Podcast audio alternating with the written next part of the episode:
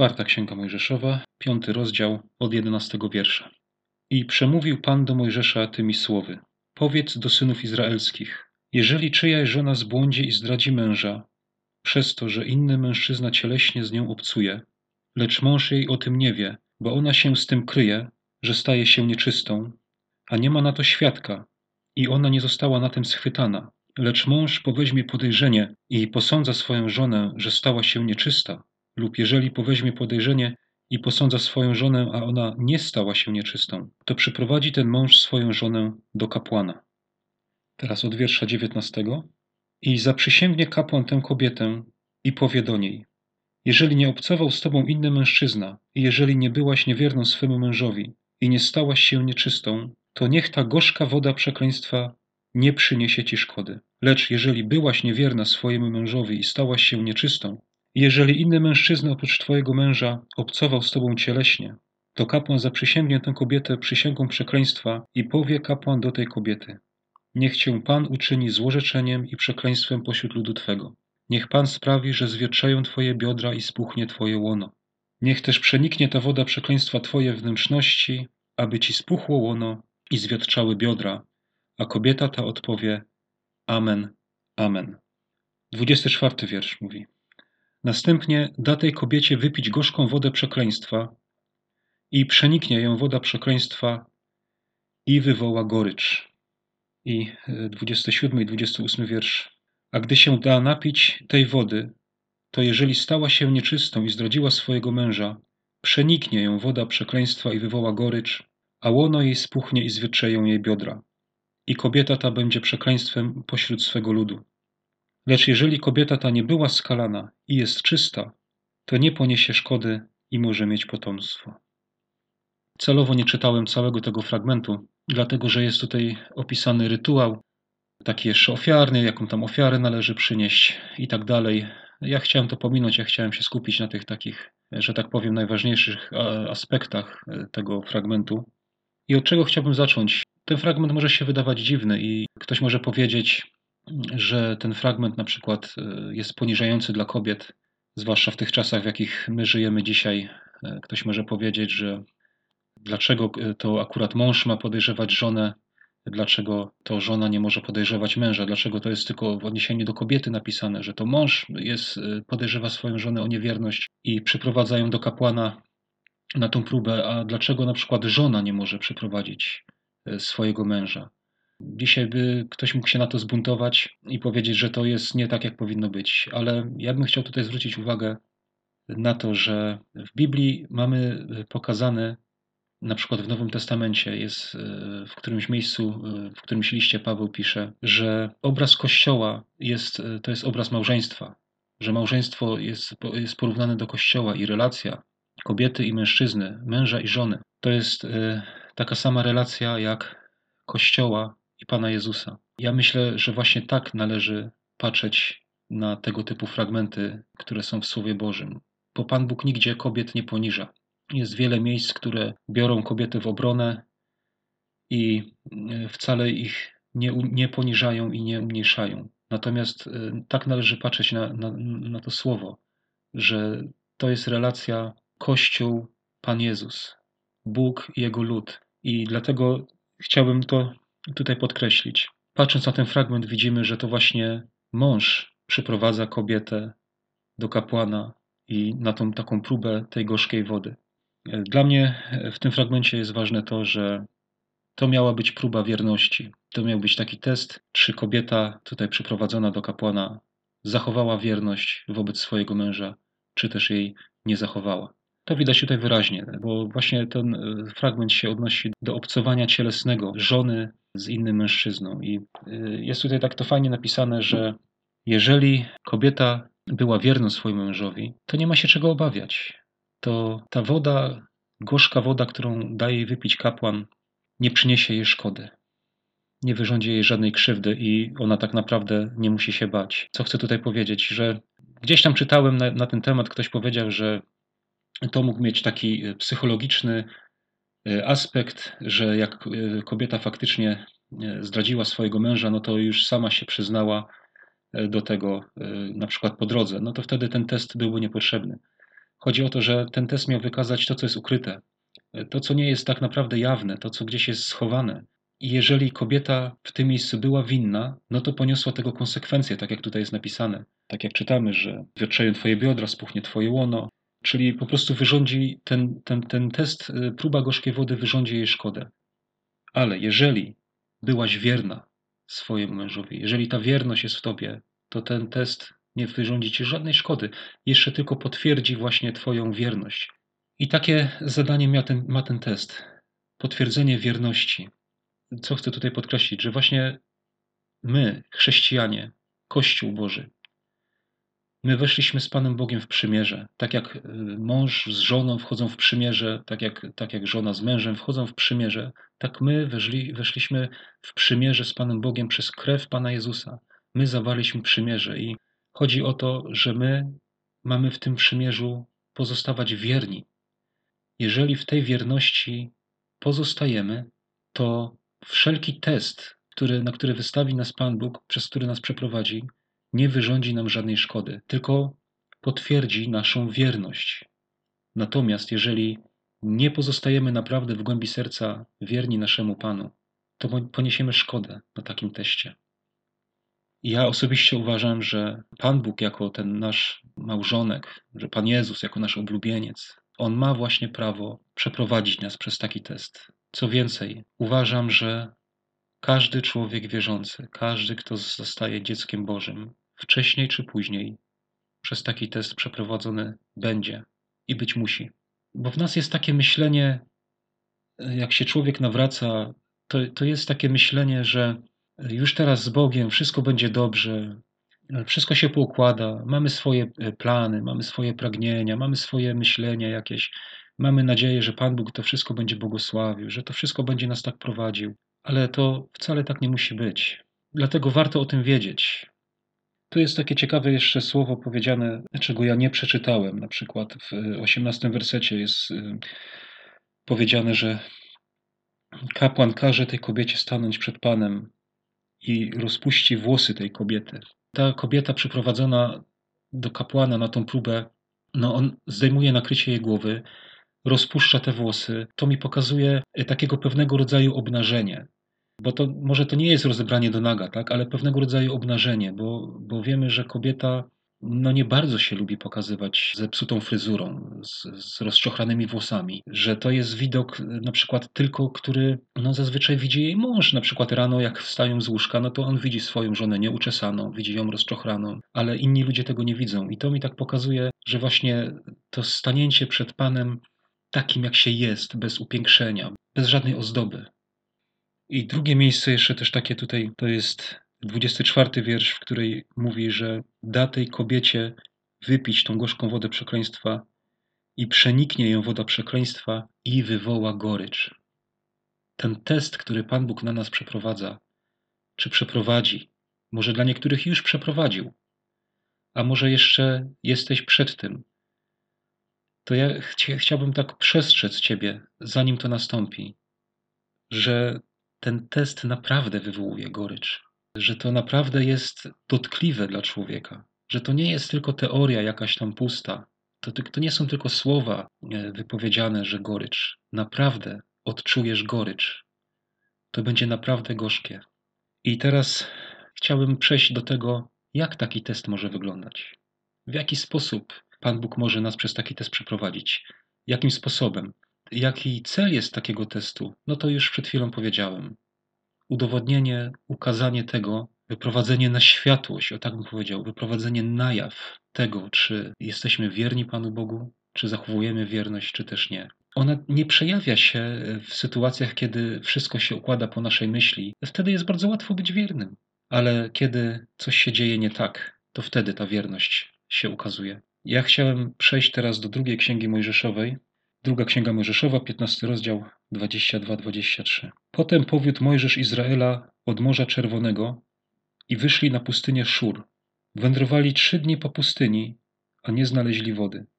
I przybyli do miejscowości Mara i nie mogli tam pić wody, bo była gorzka. Dlatego nazwano tę miejscowość Mara.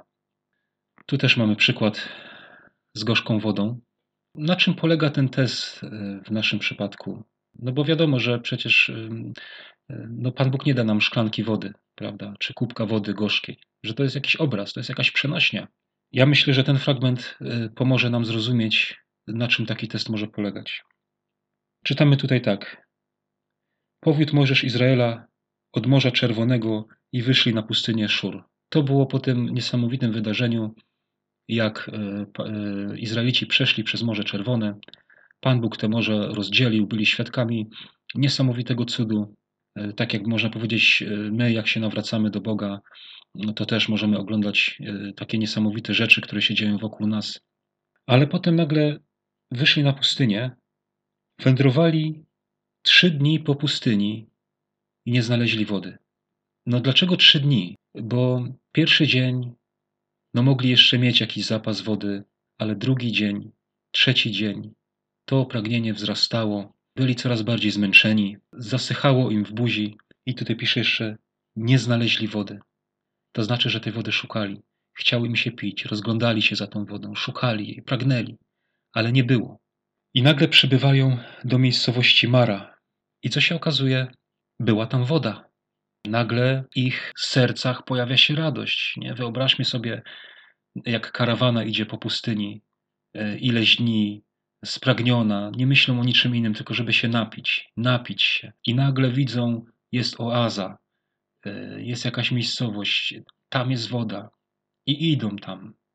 I co się okazuje? Że nie mogą napić się tej wody, że jest gorzka, że nie nadaje się do picia. Co wtedy się pojawia? Rozczarowanie. Rozczarowanie.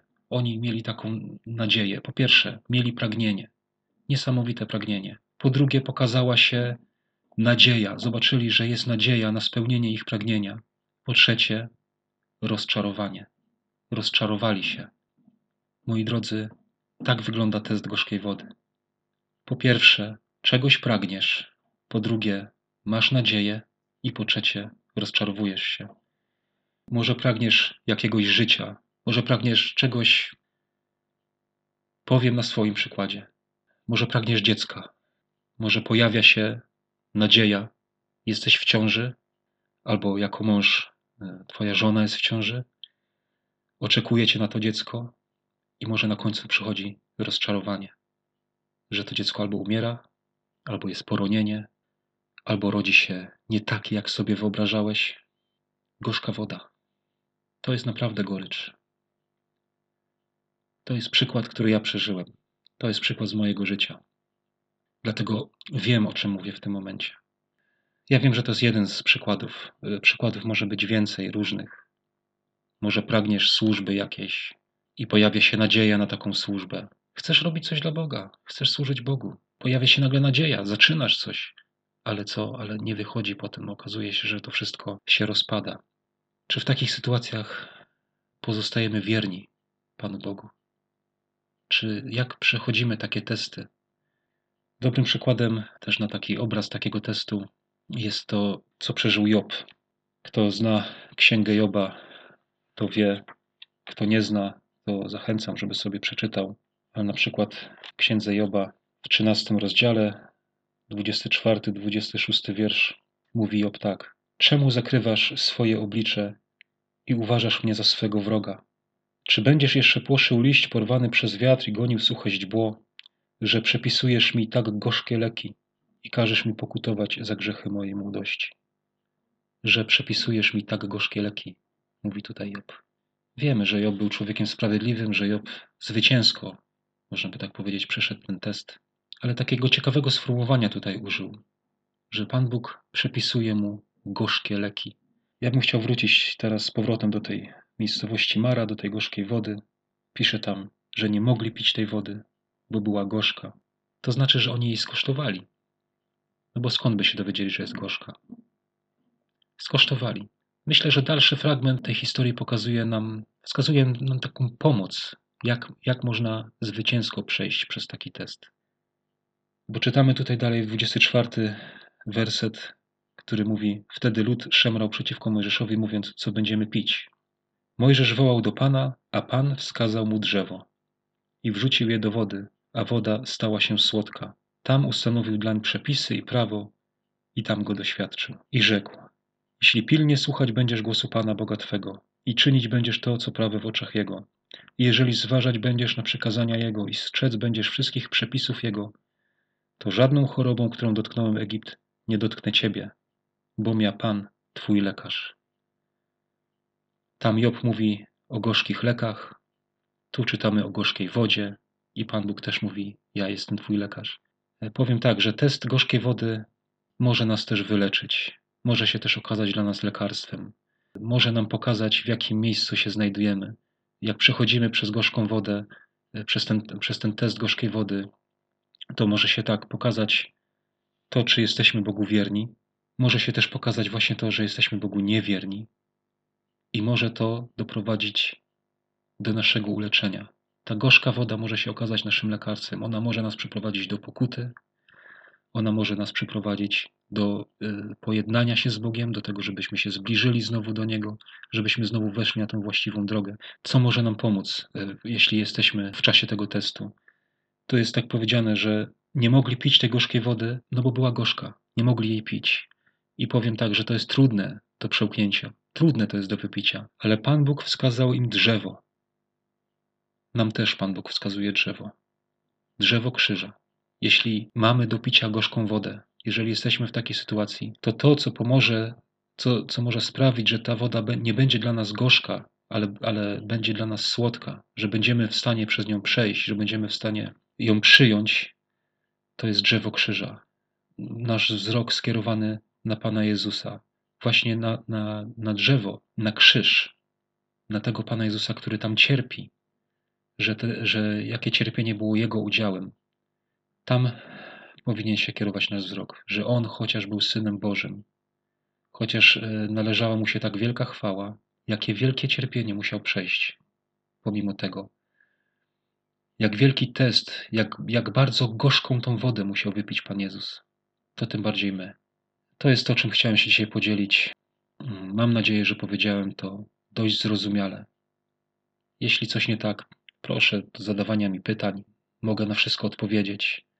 Zdaję sobie sprawę z moich ułomności. Nie jestem jakimś doskonałym człowiekiem. Coś mogę powiedzieć niezrozumiale, ale mam nadzieję, że, że jest to do przyjęcia, co powiedziałem też mówię to, żebyśmy byli świadomi, każdy z nas, każdy, kto jest, należy do Pana, żeby nie żył w takim przekonaniu, że wszystko zawsze będzie super i, i, i Pan Bóg mu tak poukłada wszystko, że będzie wszystko według Jego myśli. Ja chcę od razu powiedzieć, nie będzie tak. Nie będzie tak, bo Pan Jezus, jak nas uczył w modlitwie pańskiej, powiedział, niech będzie wola Twoja. Bądź wola Twoja, Pan Jezus nas uczył. Nie bądź wola moja. Nie zrób wszystkiego tak, jak ja sobie zaplanowałem, tak jak ja sobie chcę, ale bądź wola Twoja tak jak Ty chcesz. Tego się musimy nauczyć. I przez takie testy będziemy przechodzić. Życie z Bogiem to nie jest taki, jakby to powiedzieć, to nie jest taka książka kryminalna albo jakiś film, w którym dopiero na końcu się okazuje, na przykład, kto jest y, jakimś mordercą. Prawda? W przypadku filmu kryminalnego, nie? jakaś zagadka, cały film, jakieś wątki się snują, i dopiero na końcu się pokazuje, y, kto tam jest naprawdę mordercą, czy kto jest czego winny. Biblia nie jest, e, nie, jest w ten sposób. Pan Bóg w taki sposób z nami nie gra.